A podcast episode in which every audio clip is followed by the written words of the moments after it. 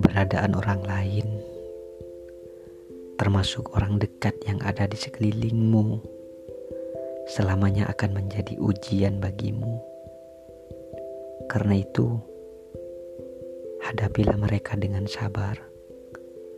Semua sisi keberadaan seseorang merupakan ujian bagi orang yang lain.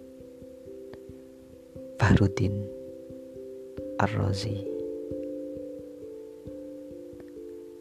dengarkan nasihat-nasihat yang lain berkenaan dengan sabar, syukur,